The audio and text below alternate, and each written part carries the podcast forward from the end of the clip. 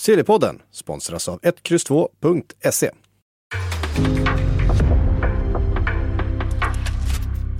En podcast från Aftonbladet. In the supermarket, you have eggs class 1, class 2, class 3. And some are more expensive than others, and some give you better omelets. That's the wrong information. Wrong, wrong, wrong information. I didn't say that. Information. Do you think I'm an idiot? Wrong, wrong, wrong information. Now look at me when I talk to you. Your job is to tell the truth. That's the wrong information. Där, det här är extra insatt, extra extra. Patrik Syket och jag, Makoto, finns med mig på andra sidan den, den digitala motorvägen. Digitala motorvägen. Andra sidan stormen är det väl va?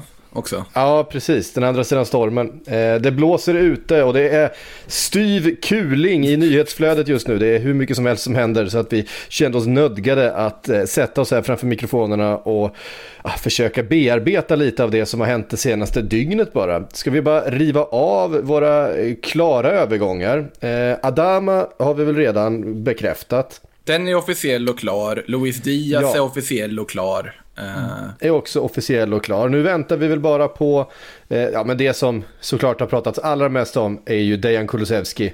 Eh, vår svenska superstjärna. Eh, ja, superstjärna är väl en sanning med viss modifikation men en otroligt spännande spelare och en otroligt spännande flytt är det i alla fall. Eh, Kulusevski till Tottenham.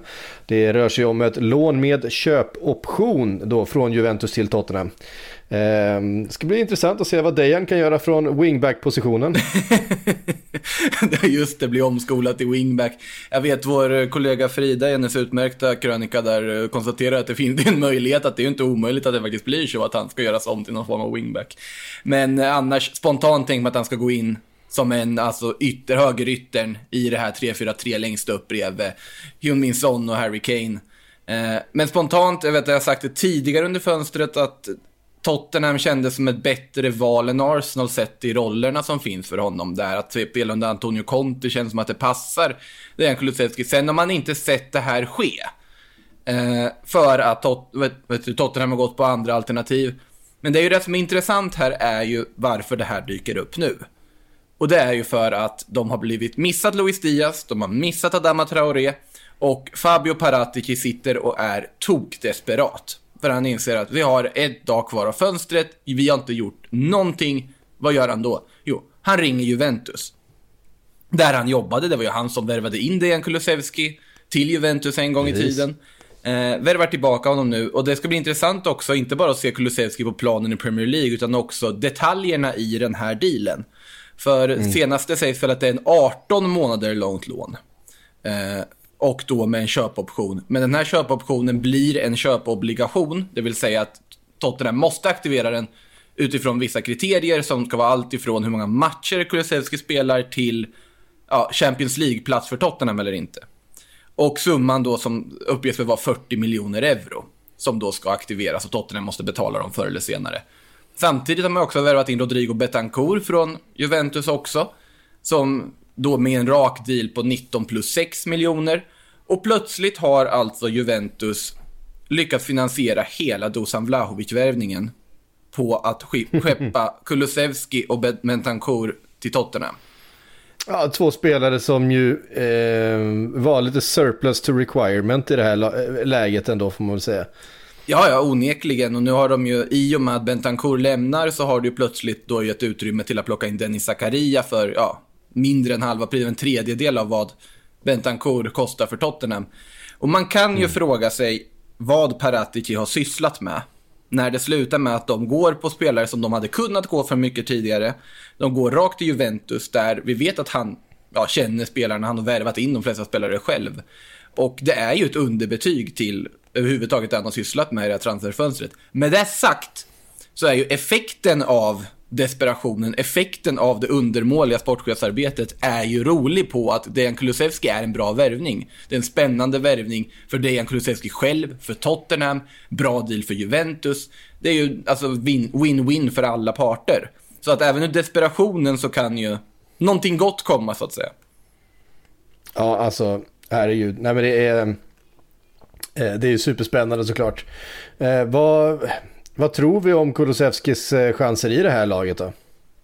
Alltså de, jag tror han kommer få speltid. De värvar väl inte in honom om de inte har en tanke för honom. Sen är det ju väl lite oroväckande att det just är köpobligationer baserade på antalet matcher spelade. Vi har ju sett i situationer när det har varit sådana lägen när spelare in, lag inte vill tvingas köpa en spelare, att man då väljer att bänka en spelare för att inte vissa alltså, optioner ska aktiveras och så vidare. Vi hoppas ju verkligen att det inte blir en sån situation för Kulusevski längre fram i tiden, om man inte lyckas.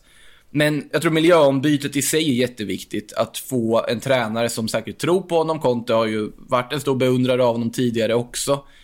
Eh, så det finns många aspekter som är väldigt positiva. Han kommer till ett lag som verkar fungera ganska bra, som är på uppgång, som slåss om Champions League-plats. En ny liga som jag tror passar honom. En roll jag tror passar honom bättre. Oavsett om det blir wingback-rollen eller inte så tror jag att han, han kommer göra nytta. Och han kommer ha förtroende och bara där kommer göra underverk. Så jag tror att det blir jättegoda möjligheter att slå sig in och få speltid. Mm. Ja, det är, det är väldigt spännande. Det här späddes dessutom, eh, eller späddes på, det är att eh, ackompanjerades ju av bilder på Alexander Isak i London. Eh, ungefär samtidigt dök de här eh, bilderna upp som eh, eh Kulusevski-ryktena började ta fart på riktigt. Eh, sen vad Alexander Isak gör i London låter vi väl vara osagt. Det är några som skriver in här och påpekar att han verkar ha köpt en bil i London. en, en Rolls Royce för 2,2 miljoner. Eh, jag är inte så säker på att det är hans bil. Han åkte i den. Eh, det var någon som... Ja, men det var väl en vad heter det, registreringsskylt som också var med typ någonting som var kopplat till Alexander ja, Isak det, också. det stod typ Isak med två A eller något sånt där. Ehm, jag vet inte om det är någon som har kunnat bevisa att det, är, att det är han som har köpt den här bilen eller att det bara var en nyregistrerad eh, Rolls Royce som han åkte runt i London eh, i. Um... Det jag vill veta är var den gjord för vänstertrafik och gjord för Londontrafik. Det är det intressanta i det här sammanhanget. För att de kan ju åka och köpa sina lyxbilar vart som helst. Vi har ju sett, det är ju massa alltså, kända fotbollsspelare som varit i Norrköping till exempel. Och varit och handlat på den, eh, den affär som numera sponsrar, eh, namnsponsrar idrottsparken där. Eh, har ju haft massa så här ja, stora fotbollsstjärnor som bara dykt upp med sina privatjet, åkte in och köpte ett vrålåk och åkte därifrån. Så att Isak mm. kan ju vara och köpt en Rolls Royce i London för han kände för det. Han och Adnan Januzaj var väl också med där och verkar ha varit på shoppingtur och så vidare. Så jag tror ju inte... Jag tror, alltså, allt tyder ju på att det inte har någonting att göra med Arsenal. Men samtidigt, Nej. med tanke på läget, så klart att man ändå drar paralleller och att han köper den där bilen samtidigt. Det är ju underbart att någon har hittat det här också. Att de letar. Ja, ja. Nej, men alltså, det är fotbolls, fotbolls eh, Twitters förmåga att göra eh, den här typen av Sherlock Holmes-kopplingar till olika saker. Eh, den, är, den upphör ju aldrig att eh, förvåna och eh, det hänger väl kanske då ihop lite grann med, eh, det blir ju mer näring åt eh, den här eh, storyn om man eh, då väger in det som David Ornstein skrev för bara en halvtimme sedan. Att Barcelona är nära en överenskommelse med Arsenal för Aubameyang på ett lån till sommaren. Oh. de, ska, de ska reda ut lönen. Och, eh, men de verkar vara nära en, en, en deal här, eh, Barcelona och Aubameyang som väl där, då kommer bli klar imorgon i sådana fall på ett lån. Och då finns det ju utrymme att ta in Alexander Isak. Ja, de måste ju eh, värva någon då. Alltså, de, någon måste väl in antar jag. Ja, någon anfallare måste de ju värva in. Och här, där kommer du bli glad, men eh, jag, vill, jag vill börja med, i och för sig med Ornsteins eh, uppgifter här. Han konstaterar också att Arsenal inte är nära just nu att värva in någon istället. Ja, Isak dök upp i London, men det ska inte vara just nu på bordet. Eh, I Aubameyang-fallet har det varit rapporter tidigare om att det är helt kopplat till vad som hände med Osman Dembélé, att Barcelona inte skulle ha råd om de inte blir av med Dembélé. Dembélé som verkar sitta på sin kammare och mest bara fundera över tillvaron just nu utan att någonting händer. Det uppges mm. ju i Spanien att det är typ inget intresse kring honom. Eh, till det här januarifönstret. Och det är ju ganska alarmerande för Barcelona, för de vill ju verkligen bli av med honom. Det är 5 miljoner euro de sparar bara på att alltså, ge bort honom i det här fönstret. På att det är 5 miljoner euro i lön som, som han fortfarande ska ha för resten av det året, där han bara kommer att få sitta på läktaren om han blir kvar, om Barcelona håller sitt ord där. Just det. Eh, men enligt Ornstein ska det ju inte vara kopplat att man ska kunna plocka Aubameyang ändå beror ju på vad han går med på för lön och hur den delas upp och så vidare. För att eh, Barcelona har inte råd att liksom lägga allt för mycket i lön på det där lönekontot. Och alla de här nya kontrakten man har skrivit har ju varit stegrande lön på att de är ganska lågt betalda och nästan är volontärarbetare första halvåret för att sen få bättre lön längre fram. Men alltså Aubameyang så sportligt är väl en jättebra lösning för Barcelona tycker jag. Det är fortfarande en bra anfallare, han kan, kommer säkert göra nytta för Barcelona. Men jag tror ändå att det är kopplat till Dembélé.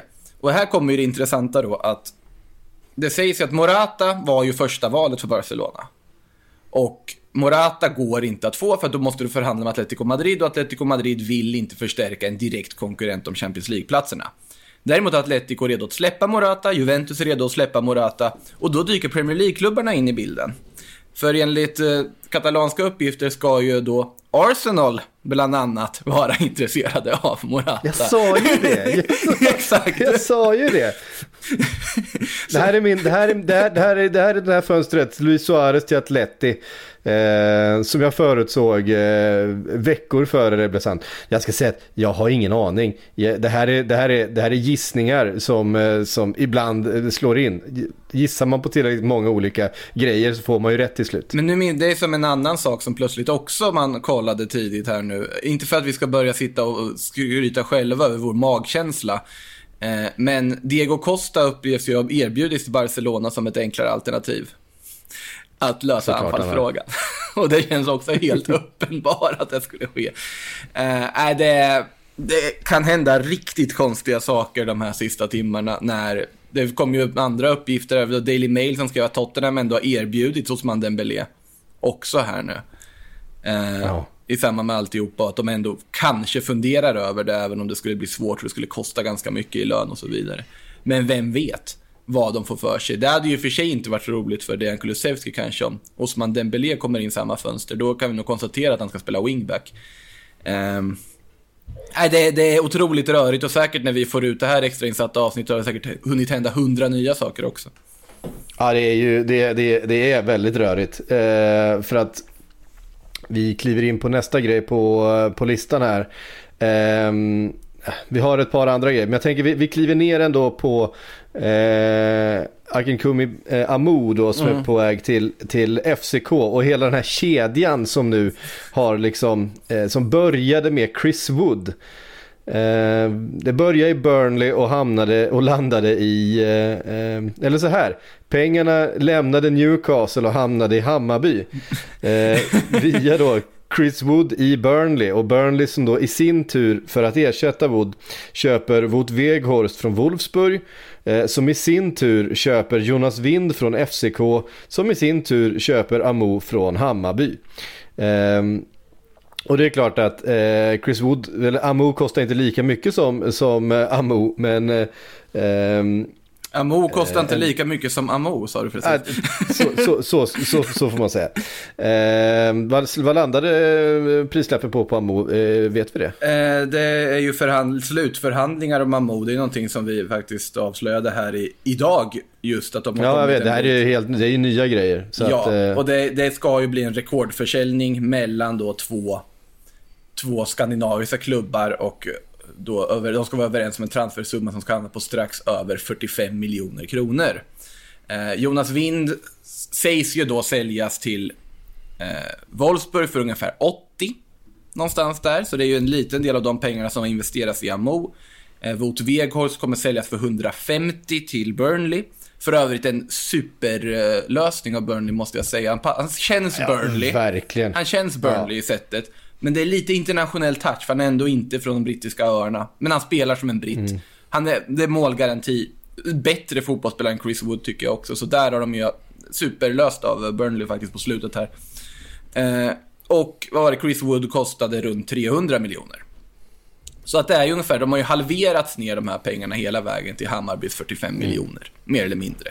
Eh, och sen är det såklart att det inte är direkt kopplat till varandra, det är ju många av de här affärerna som inte är officiella och klara än, men det, man ser ju en väldigt tydlig länk i alla fall. Så att, att Amo hamnar i Danmark har en del i att, i att Chris Wood värvades till Newcastle.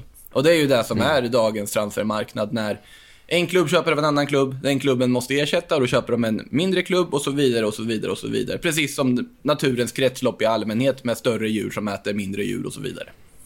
Ja, nej men bara det att Burnley eh, också då går eh, ungefär 12 miljoner pund plus på den här affären. Att sälja Chris Wood och få in eh, Weghorst eh, som inte bara då är, visst bara ett år yngre men, men fem centimeter längre. Och vi vet ju att vi betalar i centimeter. När det kommer till vissa, vissa positioner.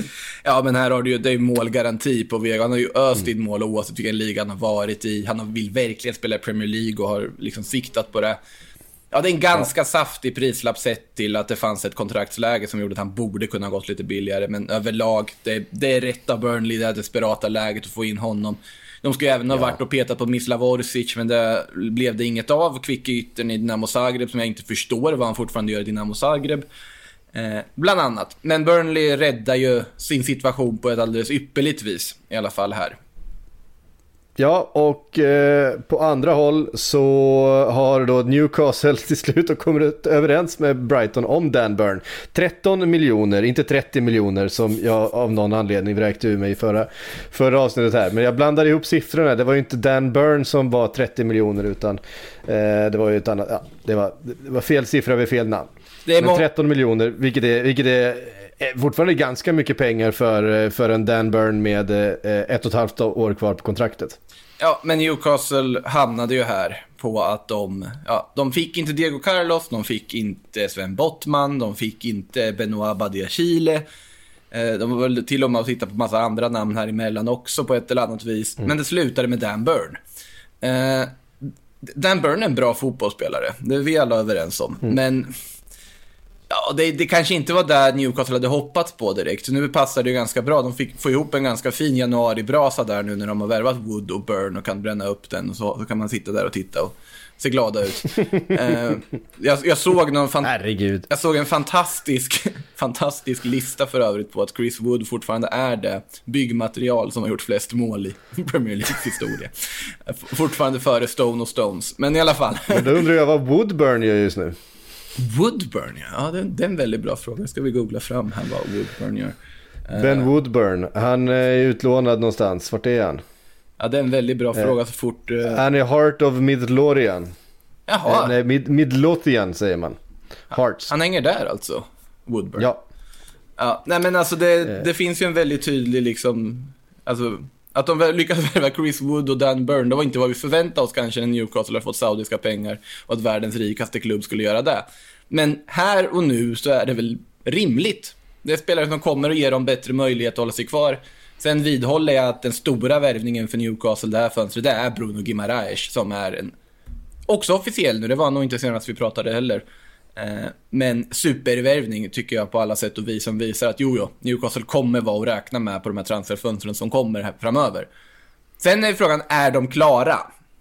Det är inte jag säker på att de är, för det är fortfarande ett dygn kvar där de kan hitta på precis vad som helst. Ja, um, de, eh, de kommer väl försöka om det dyker upp en, eh, en möjlighet, uh, tänker jag. Mm. Um, vi har, på tal om möjlighet, så har Everton gjort klart med Donny van der Beek. Eh, och det, mm, ja, han var, han var trött på sin situation i Manchester United. Eh, Everton behöver eh, fylla på med, eh, med kvalitet till det där laget. Det, det, allt går ju åt fel håll där. Känns det som. Man har väl gjort klart med, eh, med eh, Frank Lampard i alla fall. Verkar ju så. Över. Verkar ju så. Verkar så. Eh, och eh, Donny är ju någonstans, han höll ju kvalitet i Ajax. Det var ju en, det var ju en jättefin spelare där men har liksom inte fått, fått chansen överhuvudtaget i Manchester United.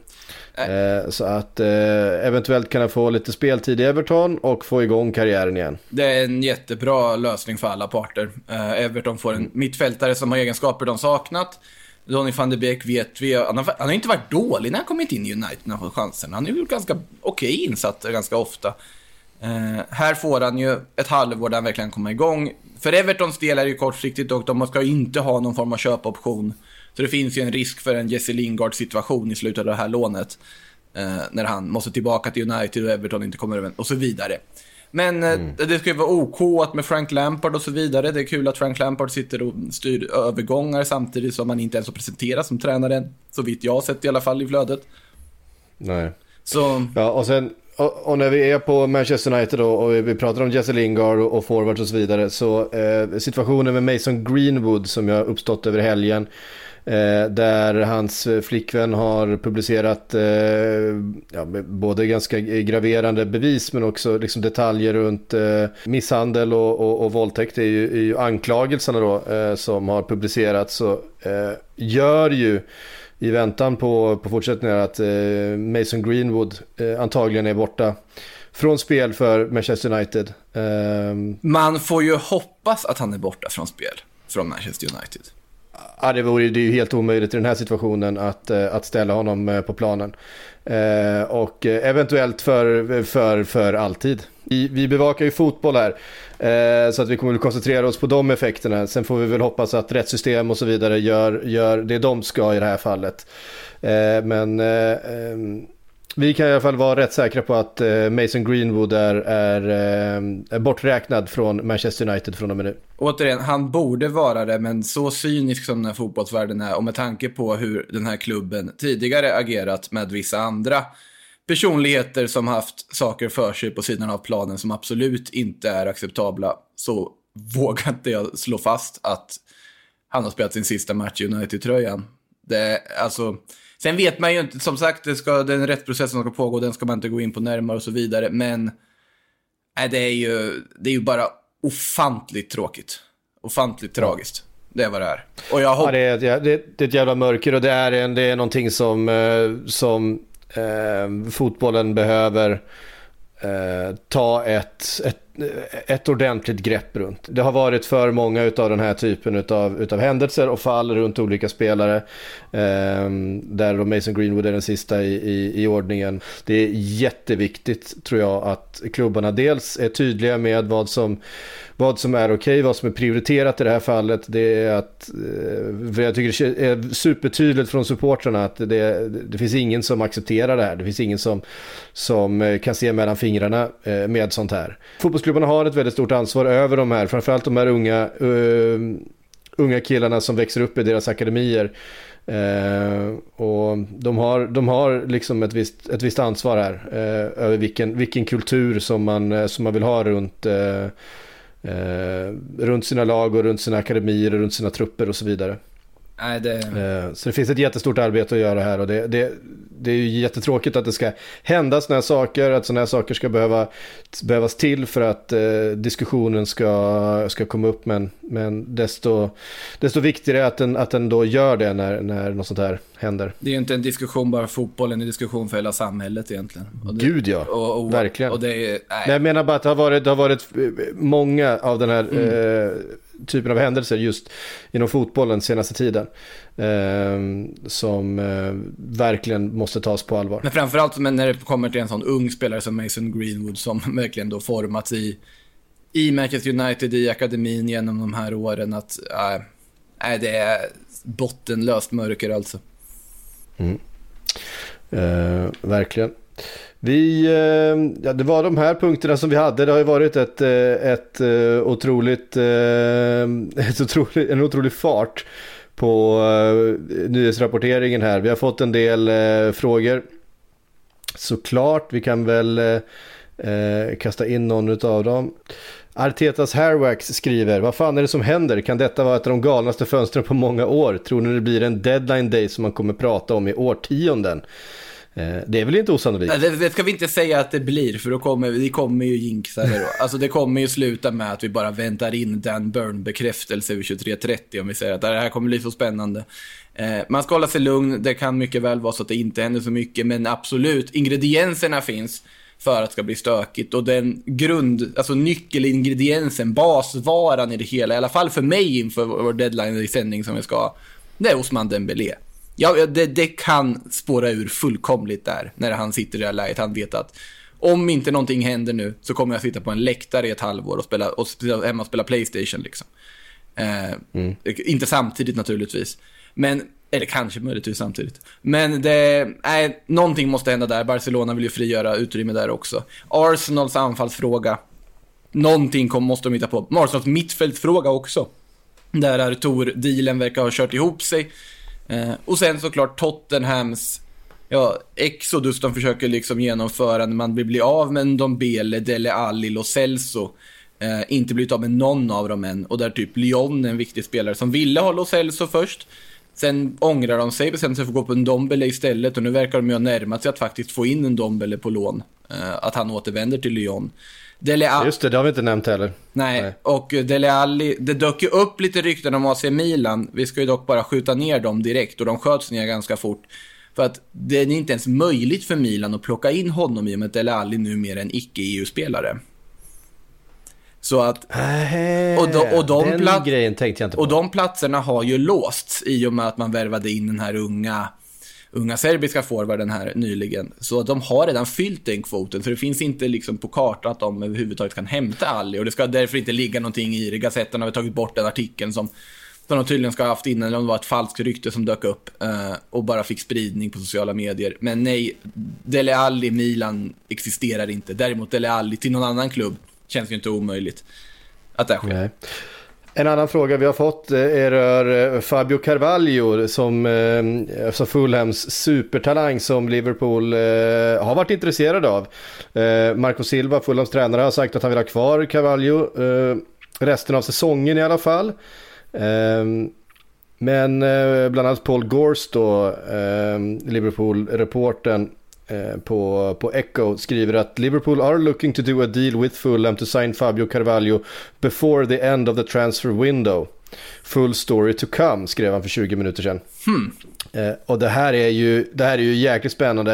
Eh, man har ju bara sett liksom highlights och statstats och sådana saker liksom eh, passera. Igår satte jag mig, med tanke på att det inte var någon Premier League-fotboll, och tittade på den här matchen då som så eh, tragiskt fick, en, eh, fick ett avbrott på mitten. Eh, Eh, för er som har missat det, det var en, faktiskt en, en åskådare som, som eh, fick ett hjärtstillestånd på, på läktaren eh, och, och avled senare. Eh, så att, eh, Oroväckande det var- ofta det inte att det sker med hjärtstillestånden på läktarna och eh, det här med att supportrar alltså, tar i, mår illa på, på läktaren och att matcher får brytas och stoppas på grund av det. Ja, vi har sett det ganska ofta i England sista tiden. Jag har sett det några gånger. Ehm, eh, Eh, men matchen eh, togs i alla fall upp lite senare och spelades klart. Och jag måste säga att eh, just Fabio Carvalho, han, han ser ju fruktansvärt bra ut. Eh, otroliga fötter, otrolig eh, blick. Eh, som offensiv mittfältare.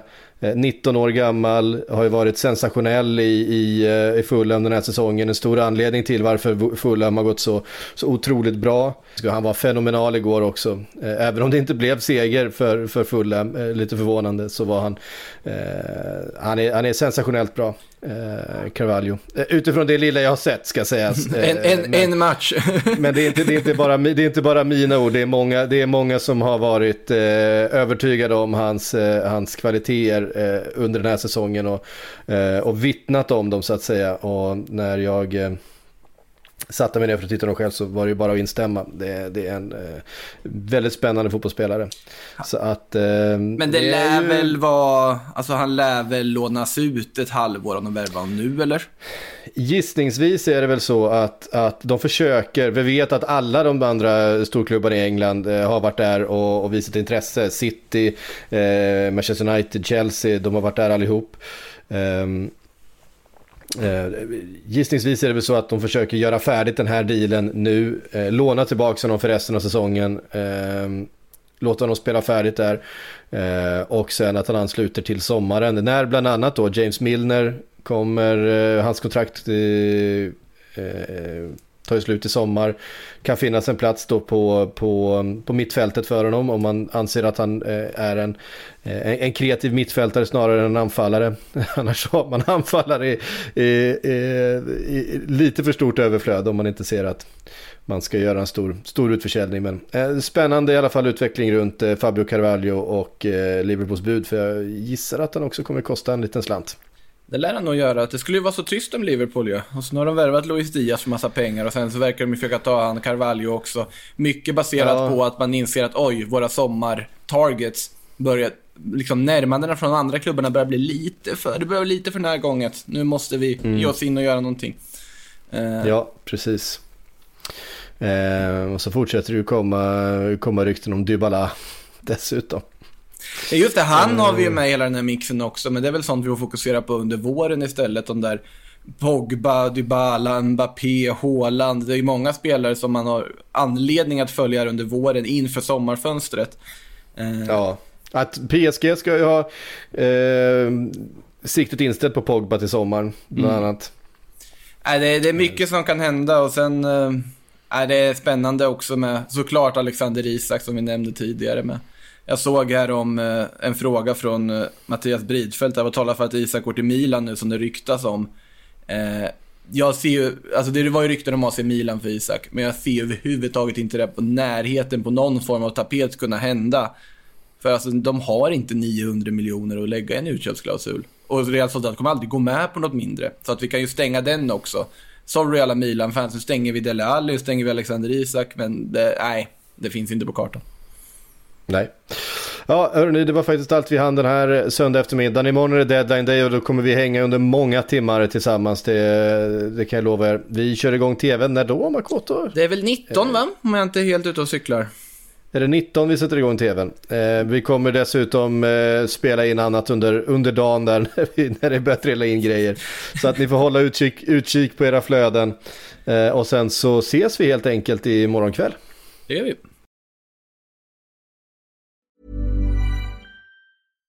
Millions of people have lost weight with personalized plans from Noom, like Evan, who can't stand salads and still lost 50 pounds. Salads, generally, for most people, are the easy button, right? For me, that wasn't an option. I never really was a salad guy. That's just not who I am. But Noom worked for me. Get your personalized plan today at Noom.com. Real Noom user compensated to provide their story. In four weeks, the typical Noom user can expect to lose one to two pounds per week. Individual results may vary.